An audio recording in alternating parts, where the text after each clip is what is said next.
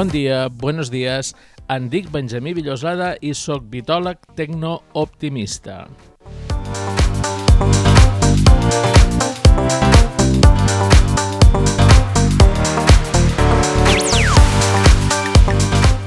Avui és divendres 28 d'agost de l'any 2020 i aquest és el vuitè capítol de la segona temporada. Moltes gràcies per escoltar-me.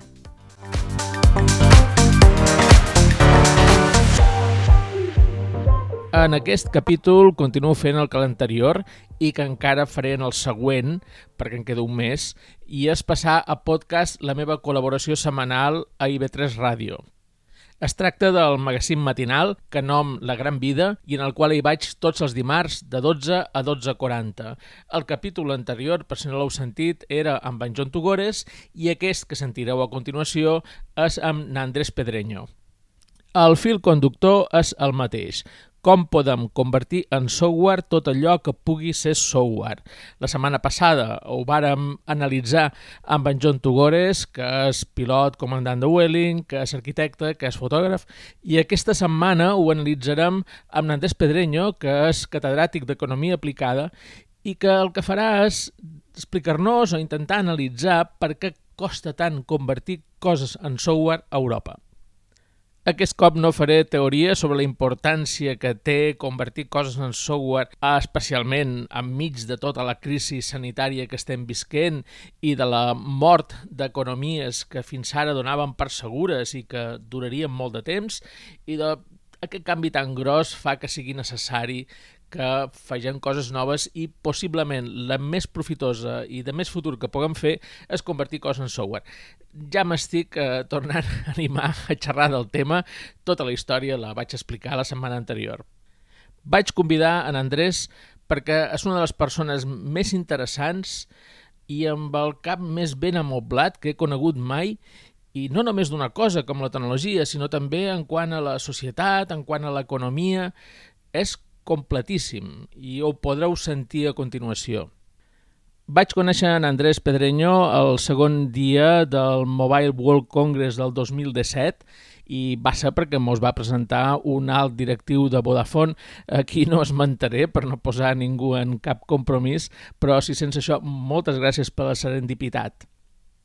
Després de conèixer-nos, varen passar dos dies els que quedaven de Mobile World Congress plegats, eh, veient tot allò i també intercanviant impressions, opinions, visions, missions, i coincidim amb una cosa, que ve a ser la idea de Solidades, de Sant Endeita, que si des dels Estats Units o des d'Àsia eh, gent amb talent mira com venia a Europa i se fixa en la Mediterrània perquè és un lloc on s'hi viu bé, possiblement observarà que som un punt, un punt que tant les illes com Alacant estem un enfront de l'altre i podrien col·laborar també en Catalunya, el País Valencià, i amb això crear un, una marca, un entorn de desenvolupament del futur de la tecnologia, de la quarta revolució industrial feta des de casa. Aquesta idea de traure talent, Andrés la tenia molt clara perquè el talent és essencial per a la tecnologia digital. No és de vegades que ell va ser rector de llocs on se crea talent, que són les universitats. Primer de la Universitat d'Alacant i després d'Universia. Acab aquesta introducció just amb una anècdota. Mentre es movíem pel Mobile World Congress plegats, eh, quan trobàvem algú de València, el govern, les institucions, eh, sovint es volien fer una foto amb l'Andrés. I amb el nostre grup hi havia una senyora que em va dir eh, Andrés debe ser una persona molt important. I jo vaig dir que no ho sabia, però no vaig poder evitar anar a la Wikipedia quan el capvespre vaig arribar a casa i sí, el seu currículum és veritablement impressionant. Recordo que aquell Mobile World Congress del 2017 va acabar coneguent en Pedro Pernias perquè ens va presentar en Andrés. En Pedro era el flamant director general de tecnologia de la Generalitat Valenciana, el meu homòleg que acabaven d'anomenar, i Andrés estava molt interessat en que ens coneguéssim per intercanviar, continuar amb aquesta pluja d'idees. I sí, des de llavors, des d'aquella mitja hora, perquè jo havia d'agafar l'avió inicial amb en Pedro, hem continuat en contacte, també ara, però durant la darrera recta de la legislatura anterior va servir per intercanviar idees Eh, algunes em varen servir a mi, altres li han servit amb ell. Ell ha continuat a la Generalitat, és el director general de Societat Digital i possiblement tindrà l'oportunitat de fer una feina molt interessant que hauríem de seguir de prop els governs de la resta de l'Estat. Perquè sí, en qüestions digitals està gairebé tot per fer i en els governs encara més. No m'estec més, ja duc gairebé 6 minuts d'introducció. Uh, sentireu a continuació la gravació del de, dimarts, dia de 8 d'agost, que varen fer en el programa La Gran Vida de IB3 Ràdio entre les 12 i 4 o 5 minuts i les 12.40.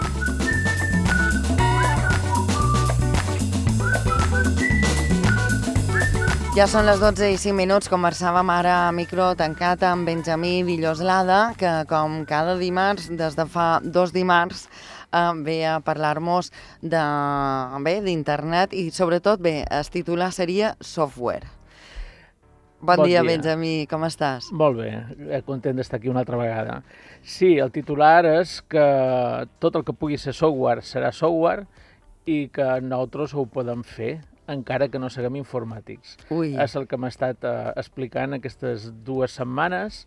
Primer va ser la introducció, la setmana passada vàrem veure un cas de persona que tu li vas dir completo comanci, perquè fa moltes coses. Ai, en Joan Tugores. En Joan Tugores, i que totes les coses que fa les, eh, les, té, les fa amb una mirada digital, tecnològica, que si algun dia no és l'autor de, de convertir alguna cosa que encara no és software en software, si en John no ho és, eh, possiblement serà dels primers que ho adopti en cas de que ho faci un altre. I és això el que volem explicar en aquests, aquests dies perquè eh, a mida que el turisme nos dona més problemes com a model econòmic, hem de fer altres coses i hi han coses que encara estan totes per fer quasi totes per fer, perquè amb la amb la intel·ligència artificial i amb la tecnologia que suposa el, el, el poder tractar amb ordinadors fins i tot aquesta conversa que tenim ara i que se pugui interpretar i s'hi puguin fer metadades i coses amb la, amb la nostra veu, eh, això també passa amb les imatges, passa amb, amb robòtica, amb un munt de coses. La intel·ligència artificial permet que moltes coses que en aquest moment encara no, siguin, no són software ho siguin aviat i com que està per fer, els que en aquests moments eh, trobam que el nostre mode de vida de sempre eh, s'ha acabat o s'acabarà, el que hauríem de fer és començar a canviar la nostra mirada cap a coses noves, sortir de la zona de confort, com a pres que ens hi han tret a potades. Sí, no, ja no és, una, ja no és voluntari això de sortir de la zona de confort. No, i, i això, treballar nous productes en coses que puguin ser software. I avui mos has duit un convidat que té un currículum que la veritat és que no sabem per on començar i que és tota una eminència i segurament ens sabrà portar molta de llum sobre aquestes qüestions. Sí, Andrés Pedreño és moltes coses. És un, va ser rector de la Universitat d'Alacant, d'allà va passar a ser rector d'Universia, que és una universitat d'universitats, eh, també és empresari d'internet, possiblement durant uns anys, quan cercàveu a internet coses relacionades amb l'horòscop, anàveu a parar amb una web que es deia Euroresidentes. Mm, M'apareix que no mori. Bé, gràcies. Sí, Euroresidentes doncs, sona. Uh, eh, exacte, és que li sona a molta gent que mos escolta, segurament li sona Euroresidentes. I, i, i també doncs, ha continuat sent uh, professor a la Universitat d'Alacant. Uh, ell és economista. És catedràtic d'Economia Aplicada i director de l'Institut d'Economia Internacional de la Universitat d'Alacant.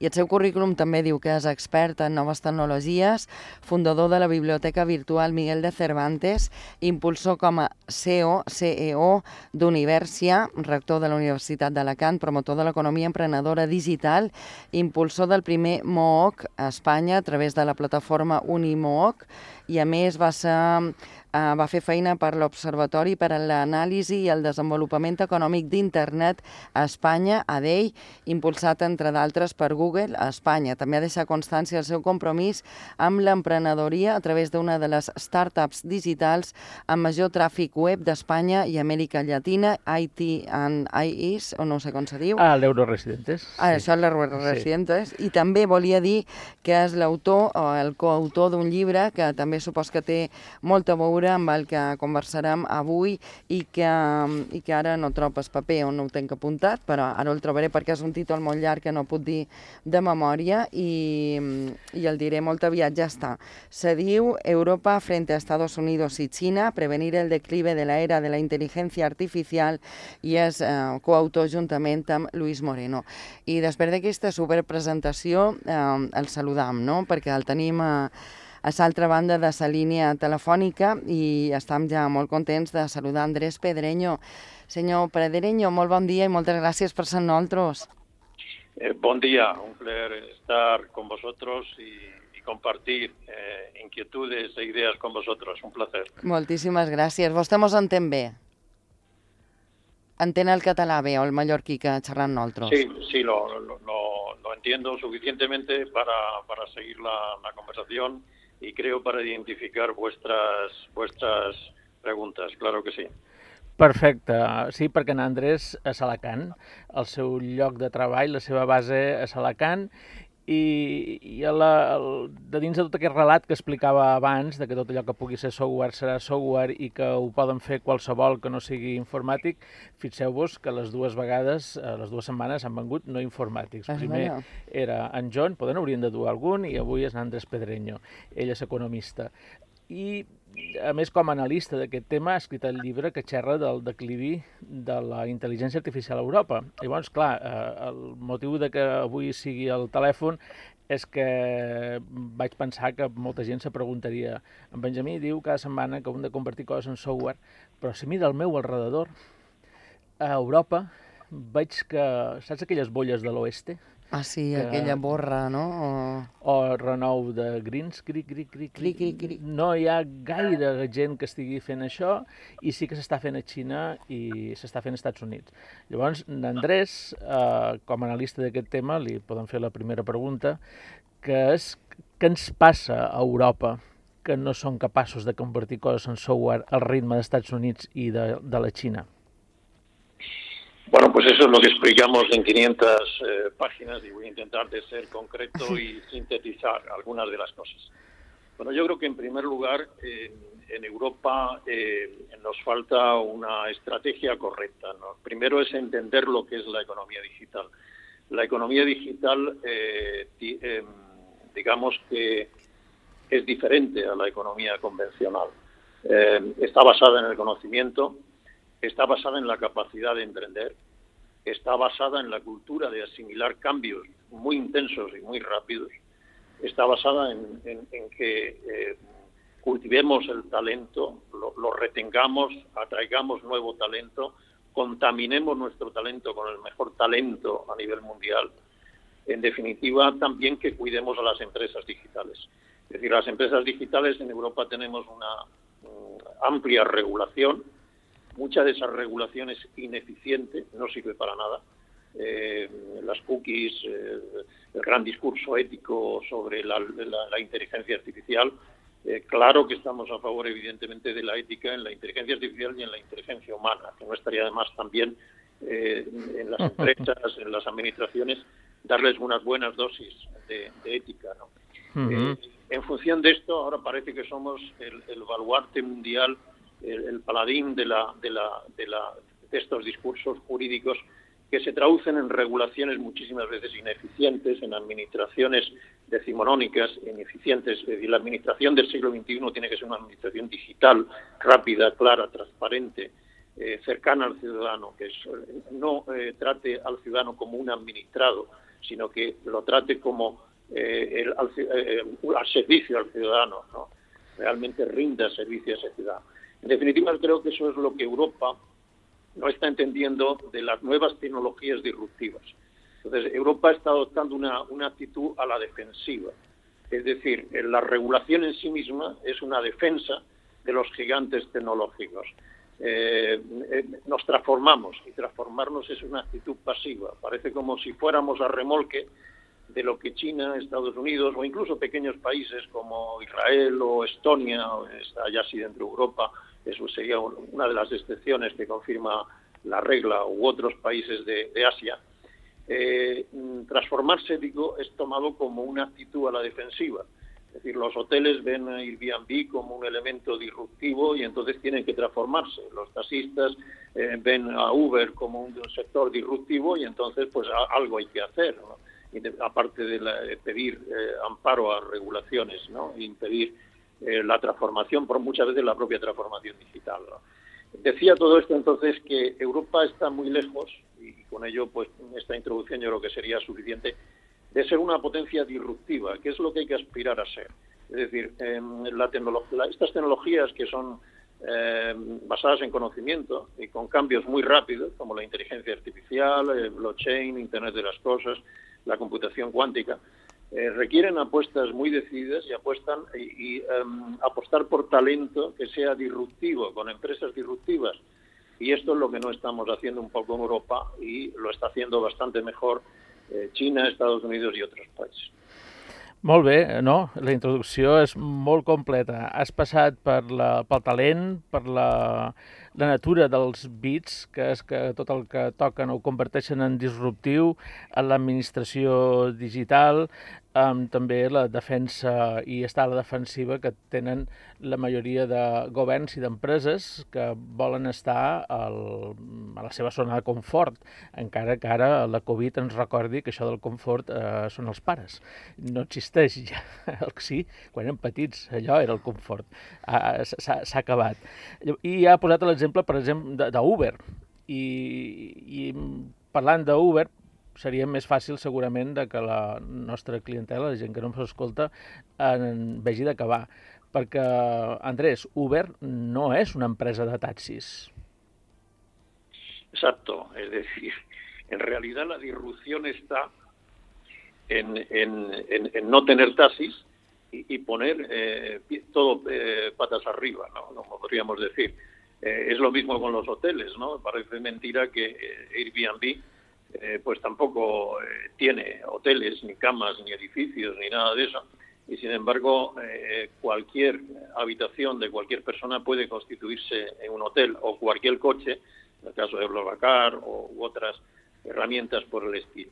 En fin, la tecnología lo que, lo que está revolucionando los conceptos, esto es, es muy importante que partamos de la comprensión de los nuevos conceptos, de la revolución que supone la economía. Es que no sabemos, ni, eh, Adam Smith o, eh, Keynes o los clásicos nos explicaron de alguna eh, un funcionamiento de una economía y la nueva economía, la economía digital, tiene poco que ver. si ahora mismo nos preguntáramos cómo explicamos nosotros en los manuales a los alumnos de economía cómo se fijan los precios, no tiene nada que ver de la forma en la que Ryanair o Airbnb o incluso Amazon fija los precios de los productos. En muchos casos son precios individualizados, precios inteligentes, precios algorítmicos, en función de muchísimas variables que eh, algunas de ellas están en una caja negra. Es decir, tenemos que volver a replantearnos las preguntas para encontrar las respuestas adecuadas y tenemos eso debe servir además eh, para fijarnos eh, nuevos conceptos eh, que nos hagan más comprensible lo que es la economía digital. Sin comprender la economía digital, difícilmente podemos avanzar en economía digital. ¿no? Podemos asimilar correctamente Uber, hacerlo un aliado o ponerle las restricciones o convertir a nuestros taxistas en, empresas competitivas que puedan competir con Uber. ¿no? Eh, necesitamos profundizar i comprender, en vez de estar a la defensiva, que és un poc lo que Europa hace.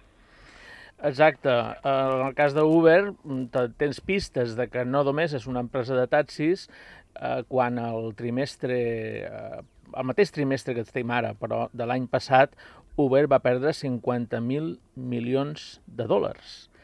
Al món. El, sí, sí, al món, i quan ho anuncia, això són uns eh, 60 milions diaris durant un trimestre. I en el moment en què ho anuncia, a més a més, diu que continuarà perdent fins al 2021. eh, una empresa de taxis no se mou amb aquests paràmetres, ni molt menys. Uh, les pèrdues d'Uber servien per uh, pagar el rescat de, en aquell moment, que brava Thomas Cook. Thomas Cook se podia rescatar amb les pèrdues d'Uber de només una setmana i jo no sóc economista, però tenim en Andrés a l'altre costat Clar, del telèfon i poder no es pot explicar aquestes xifres, com pot ser que hi hagi gent que inverteixi tant en, en una empresa com Uber sabent que està perdent i que continuarà perdent i va baixar un 13% a borsa, però després ho va recuperar. I, de fet, eh, hi ha dies durant la Covid que ho vaig seguint, que Uber algun dia ha tingut un 30% de, re, de revalorització a la borsa i amb una empresa en pèrdues. ¿Això quina pista dona, Andrés? Hay empresas que eh, ganan dinero hoy y que el mercado, los inversores, los analistas, que manejan informaciones sofisticadas y son eh, realmente, en muchos casos, muy buenos, es decir, porque el dinero suele ser muy cobarde, muy miedoso, muy prudente, y normalmente eh, pues los economistas que se dedican a eso eh, son gente que utiliza ya incluso técnicas de inteligencia artificial, big data avanzadas, para poder identificar uh, muchas cosas, desde la coyuntura general además. Pero en definitiva lo que el mercado ahí pienso que está eh, eh, con algunos sectores tradicionales como la banca, que actualmente podría, antes del COVID, podría tener beneficios, está pensando que en cuatro o cinco años hay fintechs que van a ser tan disruptivas que podrían estar fuera del mercado, que pueden eh, generar eh, pérdidas. Sin embargo, una empresa como Uber eh, o una empresa de, de, en general no se la ve eh, únicamente en la faceta de los taxis, se ve en una expansión a nivel mundial, ve que esa herramienta tiene la capacidad de convertir esa idea en una idea absolutamente global, eh, con las restricciones que luego eh, a nivel local, restricciones legales se ponen. Algunas de ellas pueden estar justificadas a corto plazo, ojo. Se reacciona correctamente, ¿no? Pero decía que esas pérdidas, de alguna forma, estamos viendo que todas las empresas digitales tienen una gran capacidad de pivotar y de reinventarse. Cuando yo estuve hace un par de años en, San Francisco, en, Palo Alto, y, cogí varias veces Uber, me di cuenta que el servicio de allí iba muchísimo más avanzado. No era simplemente un taxi eh, muy eficiente, era eh, te daba servicios eh, donde la innovación estaba muy presente en el propio concepto del transporte urbano, en la propia capacidad de distribuir el comercio online, se había convertido en un distribuidor del, comercio, eh, es decir, había ellos mismos pueden estar evidenciando pruebas de concepto en determinados ámbitos donde esas pruebas de concepto son muy rentables. Entonces, lo que están haciendo, por un lado, es implantarse a nivel mundial, es decir, ser la empresa de referencia eh, en Madrid, en Barcelona, en París y en San Francisco y en Nueva York. Pero al mismo tiempo están experimentando en modelos de negocio eh, donde ya están viendo la rentabilidad. Esto yo creo que es lo que probablemente se comparte con determinados inversores y hace que estas acciones eh, se mantengan y por lo tanto puedan recurrir a los mercados con pérdidas y poder financiarse a nivel mundial. Pero yo creo que esto es lo que tiene que hacer Europa también. Es decir, Europa eh, debe tener sus propios gigantes tecnológicos, debe tener sus empresas disruptivas. algunas de ellas son realmente disruptivas y son europeas. Es decir, que el talento europeo, por, por, formación y por tradición, eh, puede ser eh, eh, tan brillante como el de Silicon Valley. De hecho, hay mucho talento europeu en Silicon Valley o en, en, en Singapur. No? Uh -huh. volia introduir aquest tema de les pèrdues perquè segurament és una fase per la qual s'ha de passar quan es converteix alguna cosa en software. Uber estava perdent en aquells moments, però també està treballant amb un vehicle autònom en la NASA. I això és una pista. A la NASA no hi entra qualsevol, perquè és una qüestió quasi d'estat, Estats Units. Vull dir, quan hi entra una companyia és perquè realment té plans interessants, com també passa amb SpaceX del, de l'Elon Musk, que és també el que fa els Tesla, eh, quan algú fa feina a la NASA és perquè té un projecte interessant realment. Això és una pista. Però també ho hem vist abans amb empreses com Amazon. Amazon fins a l'any 2002 no guanya tot bé, si crec que se va fundar a l'any 94, perdó. En 94-95 es va fundar Amazon. Va, se va estorbar 7 o 8 anys en tenir beneficis i ara és una empresa eh, que està provocant problemes a gairebé tots els negocis. És això que deia abans eh, Andrés de la disrupció. Sí. Les empreses digitals provoquen disrupció. Eh, que ara ho han cercat per, per, per fer millor la definició, que seria allò que produeix una ruptura en el desenvolupament de l'activitat d'un sector per tal de propiciar una renovació radical. Molt bé. Andrés ho ha dit. Quan eh, converteixes una cosa en software, eh, esdevé global mundial. O sigui, Uber esdevé global, mundial, Amazon també, i qualsevol cosa que fem des de les illes o des de Alacant també esdevé global, mundial. I Nandrés és un dels que provoca també la part necessària que també nos ha explicat, que és el talent uh -huh. a Alacant. Ell és el president de l'Icantec, que és l'associació d'empreses d'allà, i a més a més no fa gaire han muntat una cosa que nom Ellis, i m'agradaria preguntar-li per ells eh, què és i per què és important que aquí al costat, davant del mar, tinguem ells.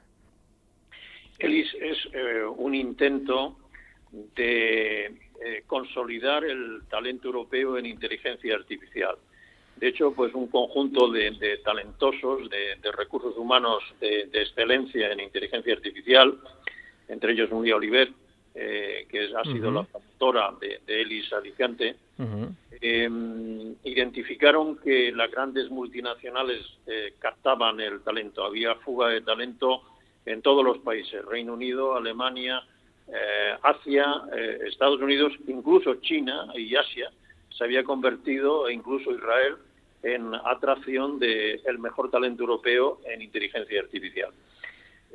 La reacción fue crear eh, una asociación, ELIS, eh, donde prácticamente eh, estaban los, eh, referentes en, investigación e inteligencia artificial de casi todos los países o de todos los países y establecieron una, una estrategia para crear una serie de nodos en cada país y conectarlos entre sí de tal forma que a través de una estructura colaborativa se pudiera intercambiar conocimiento y, y se pudiera establecer eh, una estrategia propiamente europea para el desarrollo de la inteligencia artificial. Eh, bueno, yo creo que esto es fundamental, porque la inteligencia artificial es, eh, ya lo sabéis un poquitín, los tópicos, a decirlos, la nueva electricidad del futuro. Es decir, eh, se calcula que en los próximos 15 años, sin inteligencia artificial, todos los países creceríamos en torno a la mitad de nuestra potencialidad en términos de Producto Interior Bruto, eso es mucho, eh, y eh, afecta prácticamente a todos los sectores productivos, ¿no? a los sectores productivos fundamentales, a los servicios fundamentales, ¿no? Mm. de la salud a la agricultura o al transporte o a la logística o a todo. Y entonces, en función de esto, mm, yo creo que tenía que haber una respuesta europea. Europa es, es, ha sido muy lenta a la hora de establecer eh, pautas, eh, estrategias, apuestas eh, eh, ambiciosas en inteligencia artificial comparadas con China y Estados Unidos. Recuerdo que China pretende la hegemonía mundial con la inteligencia artificial, lo ha dicho claramente, que ellos utilizarán la inteligencia artificial a la hora de como soporte para lograr eh, la hegemonía mundial a todos los niveles, económica, militar, etcétera. Y en Estados Unidos, pues evidentemente están los gigantes tecnológicos que hablan por sí solos o apuestas eh, de una sola universidad como el MIT, que con mil millones eh, iguala casi la apuesta de Macron, eh, un país fundamental de la Unión Europea como Francia. Entonces, desde esta perspectiva, creo que es importante destacar que ELIS es un intento desde abajo, desde los propios investigadores, de construir una red europea de inteligencia artificial eh, que nos permita consolidar, posicionarnos, retener el talento y posicionarnos en un sector fundamental para el futuro de Europa. Molt bé, eh, felicitats per haver tingut el node d'Ellis a Alacant, perquè això vol dir que quan algú de qualsevol lloc del món, un investigador amb intel·ligència artificial, pensi no m'agrada el model xinès per qüestions ètiques, no m'agrada el, motor, el model americà també per qüestions ètiques, si les coses no canvien molt, m'agradaria fer feina a Europa. Llavors dius, què hi ha interessant amb intel·ligència artificial a Europa? i dius, mm, si ets investigador i més o menys manco te'n mous per aquests mons, coneixes noms, dius ells. I ells té un personatge entre els fundadors, que és na Núria Oliver, na Núria Oliver és d'Alacant, i una de les primeres coses és dur un node cap a casa, que a més a més està al sud d'Europa, que és on hi ha més bon clima, és un, uh, Alacant és un lloc que hi ha molt d'espai encara per créixer en quant a qüestions d'intel·ligència artificial i, i de tecnologia digital, digital, i és una aposta de futur per aquest canvi de model econòmic que tant esperam i que eh, amb el tema d'intel·ligència artificial, eh, les màquines són les ments humanes.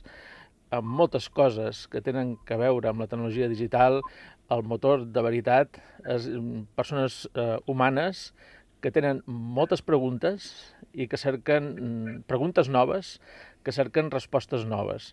Eh, sovint hi ha una frase que repetim amb, amb l'Andrés, que és del Jorge Wagensberg, crec que ho he dit bé, el llinatge, que diu que eh, canviar de resposta és eh, evolució, però canviar de pregunta és revolució. Així que fent preguntes, si tens eh, prou capacitat eh, perquè ets un, un, un doctor, ets una, un tècnic molt experimentat, fer preguntes noves que tenen que veure en solucions noves d'intel·ligència artificial serveixen per canviar coses a software i això s'ha de fer en entorns de gent en talent, que llavors és quan es, exploten aquestes coses, com va passar a Silicon eh, Valley i com ha passat també a la Xina, en llocs com Shenzhen, Shanghai, tot això intentar reproduir Europa, eh, no només n'Andrés ho explica amb un llibre, sinó que també ho posa a la pràctica amb, amb organitzacions com ells i també Alicantec i tota la feina que estan fent allà i que trobareu si mirau el seu currículum i si llegiu el seu llibre. Què tal va el llibre, Andrés? Perquè jo el veig molt a Twitter, però clar, jo, jo estic amb una cambra d'eco de gent que li interessen aquestes coses. Jo afegiria una cosa abans de, de sentir el senyor Pedreño, i és que a part dels beneficis que s'obtenen per aquest llibre aniran destinades també a finançar fons perdut, diu projectes digitals d'emprenedors per a lluitar contra l'atur la, dels joves, no? que, que és ara també un dels problemes que sembla que ens enfrontam en aquesta situació. També volia afegir això és una de les coses, és una de les característiques innates del llibre, no? que a més a més és per ajudar a la gent que comença a cercar talent. Hi ha alguns punts que en Andrés té molt clars i un d'ells és aquest. I, I què tal el llibre? Bueno, eh, digamos que no es fácil, eh, la gente lee pocos libros, pero sí que es verdad que nos hemos encontrado con un interés enorme en el fondo teníamos un poco una idea, y es que estábamos en, en, en una tormenta perfecta. O sea, eh, especialmente en los países del sur de Europa. Europa es campeona en envejecimiento. Recuerdo que, por ejemplo, España es el segundo país más envejecido del mundo y en el año 2050 incluso superaremos a Japón. Seremos el país más envejecido del mundo. Uh -huh. Pero también somos los campeones de la tasa de desempleo juvenil ya eh, en el 50% después del COVID. Y eso también es una, una eh, característica común para todos los países del sur de Europa. Es decir, no le damos empleos de futuro a los jóvenes y al mismo tiempo tenemos un envejecimiento um, altísimo, ¿no? Esto es algo que de alguna forma quiebra la viabilidad del modelo.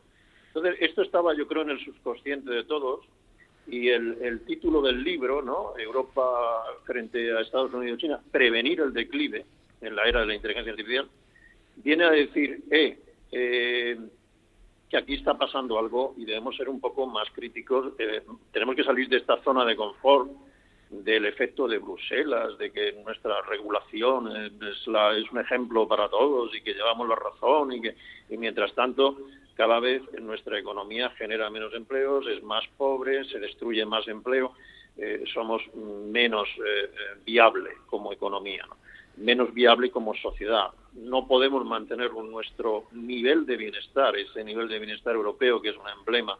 Eh, y claro, esto ha hecho que una parte de gente que en el fondo eh, sabía que esto estaba pasando, eh, es una verdad incómoda que eh, nosotros hemos propuesto que se lea. Y hemos tenido el regalo de gente pues como tú, Benjamín, o como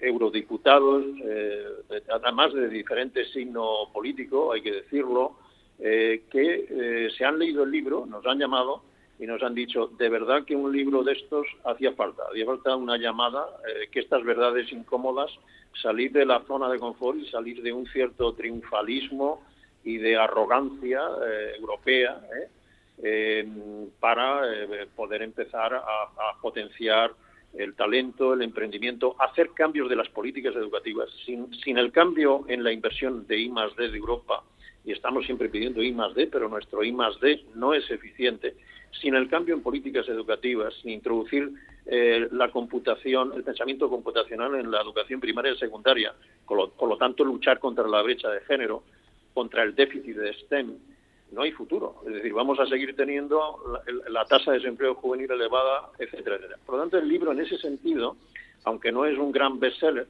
pero sí ha logrado ir a, determinada gente que nos interesaba muchísimo que empezara a tomar conciencia de esto y creo que en ese sentido lo está lo está consiguiendo y esperamos que ahora en, en septiembre después de la vuelta de vacaciones eh, pues eh, hemos recibido mucho feedback. Eh, ahora estamos haciendo la tercera edición. La tercera edición es ya la que se traduce al inglés también se va a traducir al ah. chino. Al chino ah. también. Sí sí. Y, bueno y queremos saber que, que, en ese sentido pues nuestra pequeña contribución pueda servir de algo és veritat, la gent que coneixem en Andrés i que sabem que per aquestes qüestions és un pou de sabidoria i també d'altres, però ara estem amb el registre professional, eh, ara és més fàcil perquè dius, no, llegeix aquell llibre. I ve de cop eh, tot el seu pensament que no s'ha sintetitzat molt bé al llarg de la xerrada que hem tingut fins ara i, i ja que el llibre planteja mm, preguntes incòmodes, anem a fer-ne una eh, en quant al turisme, que és el que ens toca a les illes. En aquests moments eh, hi ha la consigna que en el 2021 possiblement ja hi haurà una solució que tornarà una altra vegada al turisme i que de la mateixa manera que vàrem ser dels primers en recuperar-nos de la crisi del 2008, ara també serem els primers de recuperar-nos d'aquesta crisi eh, de la Covid, això, a partir del 2021 la teva bolla de vidre, si és que entens, la meva sempre té nígols, sempre té núvols. Què dius? Però, però si tu ets optimista, que, que home. Diu, ja sóc optimista, però en Andrés eh, és realista sí, i, sí. i és catedràtic d'economia. Llavors, eh, ell, amb la seva bolla personal de vidre, com ho veu? Serà així? El turisme no es tornarà a fer recuperar abans que ningú de la crisi? Bueno, los economistas eh, siempre nos equivocamos a la hora de predecir. Siempre se dice que interpretamos magníficamente bien la historia pero lo que es el futuro somos eh, casi en ese sentido recomendamos eh, sustituir nuestras asignaturas de econometría por la de Big Data e Inteligencia Artificial, porque el Big Data e Inteligencia Artificial suele predecir mejor que nosotros. tendríamos que preguntárselo a algún algoritmo a ver qué nos dice. Pero no quiero rehuir de la, de la pregunta. Yo creo que el, COVID nos ha cambiado mucho. Es una, eh, es un hachazo a la economía mundial especialmente las economías que están basadas al turismo.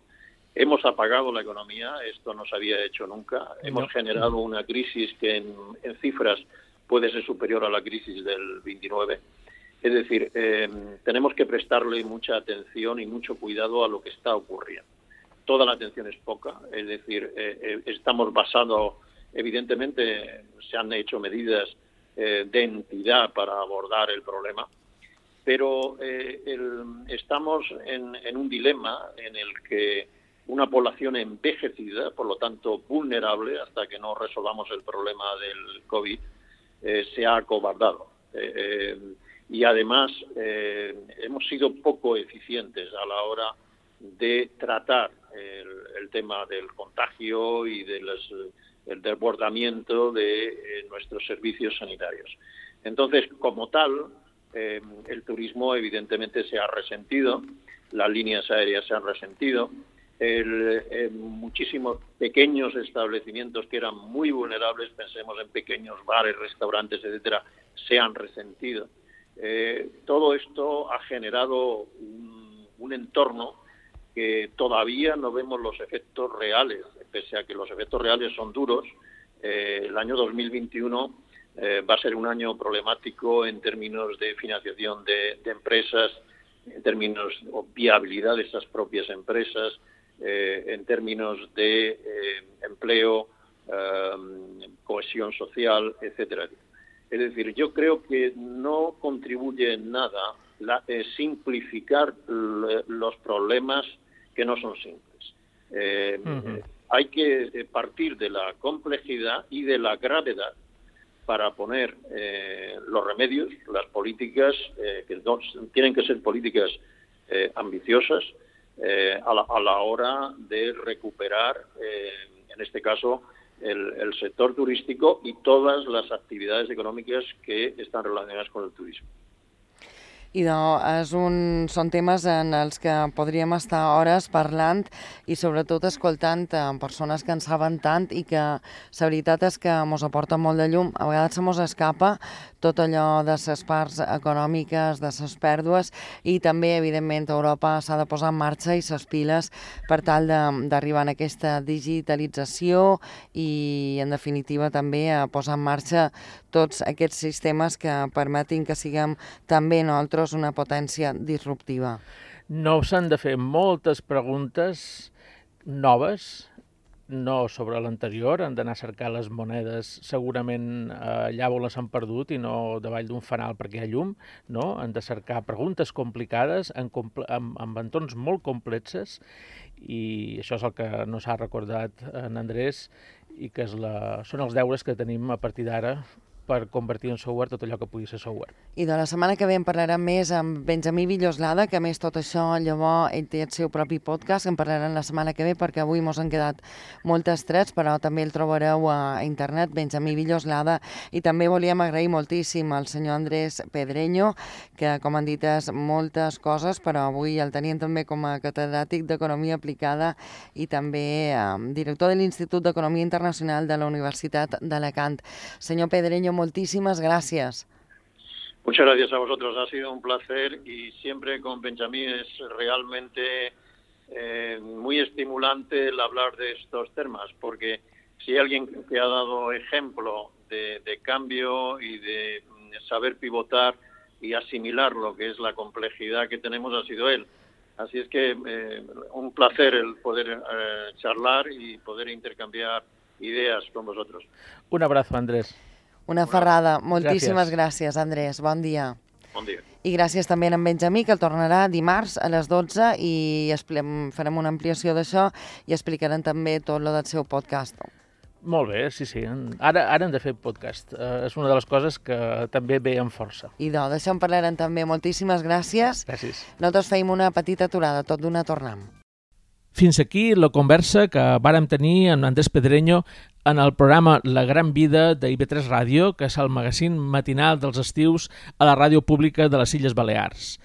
La següent setmana, el dia 24 d'agost, varen gravar un altre programa, que és el darrer, i que també publicarem podcast. Aquesta vegada va ser amb en Josep Maria Ganyet i amb en Gran Ludo, conegut amb nom real com a Marc Alier el coneixem molts més com a Gran Ludo. Coses que té la xarxa. Moltes gràcies per haver-me escoltat.